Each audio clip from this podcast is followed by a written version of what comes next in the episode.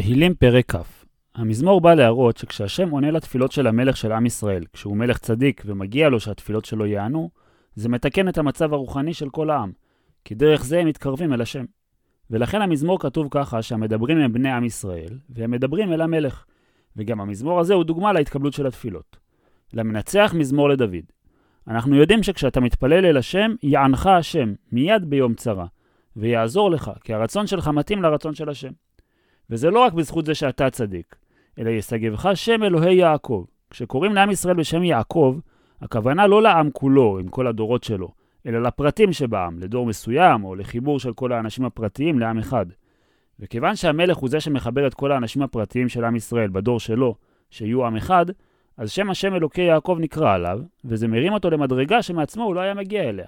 כלומר, חלק ממה שהתפילות של המלך נענות, זה כי יש לו את הזכות של כל עם ישראל. ולכן, השם ישלח עזרך מקודש, ויעזור לך לנצח את האויבים שלך, או כל צרה אחרת, כחלק מהקדושה של עם ישראל. ומזה נלמד, שגם כשאתה יכול לנצח בכוח שלך ולא צריך להתפלל, באמת הוא מציון יסעדך, והשם תומך אותך כדי שתצליח. כי המלוכה של עם ישראל מחוברת לקודש כל הזמן, שזה מה שנקרא ציון. ולכן אתה לא סתם מצליח, אלא כי השם יזכור כל מנחותיך, שאתה הקרבת, וגם שאחרים הקריבו בזכות זה שמלכי בית דוד בנו את המקדש, והשם זוכר לך אותם גם הרבה זמן אחרי ההקרבה ההיא. ועולתך, שהעלית קורבן עולה, ידע שני סלע, כאילו היא תמיד נמצאת על המזבח. וכשצריך עזרה, אז השם זוכר את הקורבנות ההם ועוזר למלך לנצח. ולכן, לא רק במלחמה השם עוזר לך, אלא ייתן לך כלבביך, כל מה שתרצה, גם ברוחניות, שזה היצר הטוב, וגם בגשמיות, שזה הבסיס של היצר הרע. כי הרצון של המלך מיושר עם הרצון של השם, ולכן השם ייתן לו את הכל. וכל עצתך ימלא. אדם מתייעץ כשהוא לא יודע מה יהיה, והעצה מניחה שיהיה ככה או ככה, ולכן היא כמו כלי שמחכה להתמלא ולראות אם העצה הייתה צודקת. והשם ימלא את העצה שקיבלת ועשית, ככה שמה שחשבת שיקרה באמת יהיה. וכשהעם יראה שהשם עוזר כל כך למלך, נרננה בישועתך. נשבח את השם על זה, והעם יראה כמה השם גדול. ולכן ובשם אלוהינו נדגול. דגל בתנ"ך זה לא כמו בלשון שלנו, אלא כשאנשים מתקבצים יחד למחנה אחד.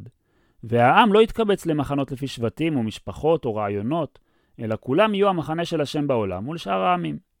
ולכן, כיוון שזה עוזר לכל העם לרצות להיות העם של השם, ימלא השם כל משאלותיך, כי בזכות זה שהתפילות של המלך מתקבלות, העם חוזר אל השם. וכל אחד מעם ישראל יאמר שעתה, אחרי שראינו שהשם עוזר למלך, ידעתי כי הושיע השם משיחו. המלך נמשך על ידי השם, והשם הושיע אותו בעבר, ואת זה כבר ראינו, ולכן אני גם יודע שיענהו גם בעתיד משמי קודשו. לא כי השם חייב לעשות מה שהמלך אומר, אלא כי זה מתאים לרצון הקדוש של השם. וגם אני יודע עכשיו שאין דבר שיוכל לעמוד בפני השם, כי השם יענה למלך בגבורות ישע ימינו. כלומר בצורה גלויה וניסית, שמתגברת על כל מה שצריך כדי להושיע את המלך, ואת עם ישראל. ולכן גם אם העמים שסביבנו בוטחים בכוח הצבאי שלהם, אלה ברכב מצד המיגון נגדנו, ואלה בסוסים מצד ההתקפה עלינו, אבל ואנחנו, שכבר הבנו שמה שחשוב זה שהשם ירצה לעזור לנו, לא נחפש רכב או סוסים, אלא בשם השם אלוקינו נזכיר, ונתפלל אליו ונבקש ממנו שיעזור לנו. ואז גם אם הכוח הצבאי שלנו קטן יותר משלהם, הם הקראו ויהיו עבדים שלנו, ונפלו לגמרי, אם יהיה צריך להשמיד אותם, ואנחנו קמנו גם אם נפלנו כבר קודם, ונתעודד. להתעודד בתנ"ך זה שורש נדיר, והכוונה שנהיה עוד ועוד, כלומר שאת עם ישראל לא יוכלו להשמיד, אלא תמיד יהיה אותנו, כי שם השם נקרא עלינו. ולכן גם מכאן ולהבא אנחנו מבקשים, בכל צרה שתבוא עלינו, השם מושיע, כי השם הוא מי שמושיע אותנו באמת. ואנחנו יודעים שהמלך, כלומר השם, שהוא באמת המלך של עם ישראל, כי גם המלך שלנו עובד אותו, הוא יעננו תמיד.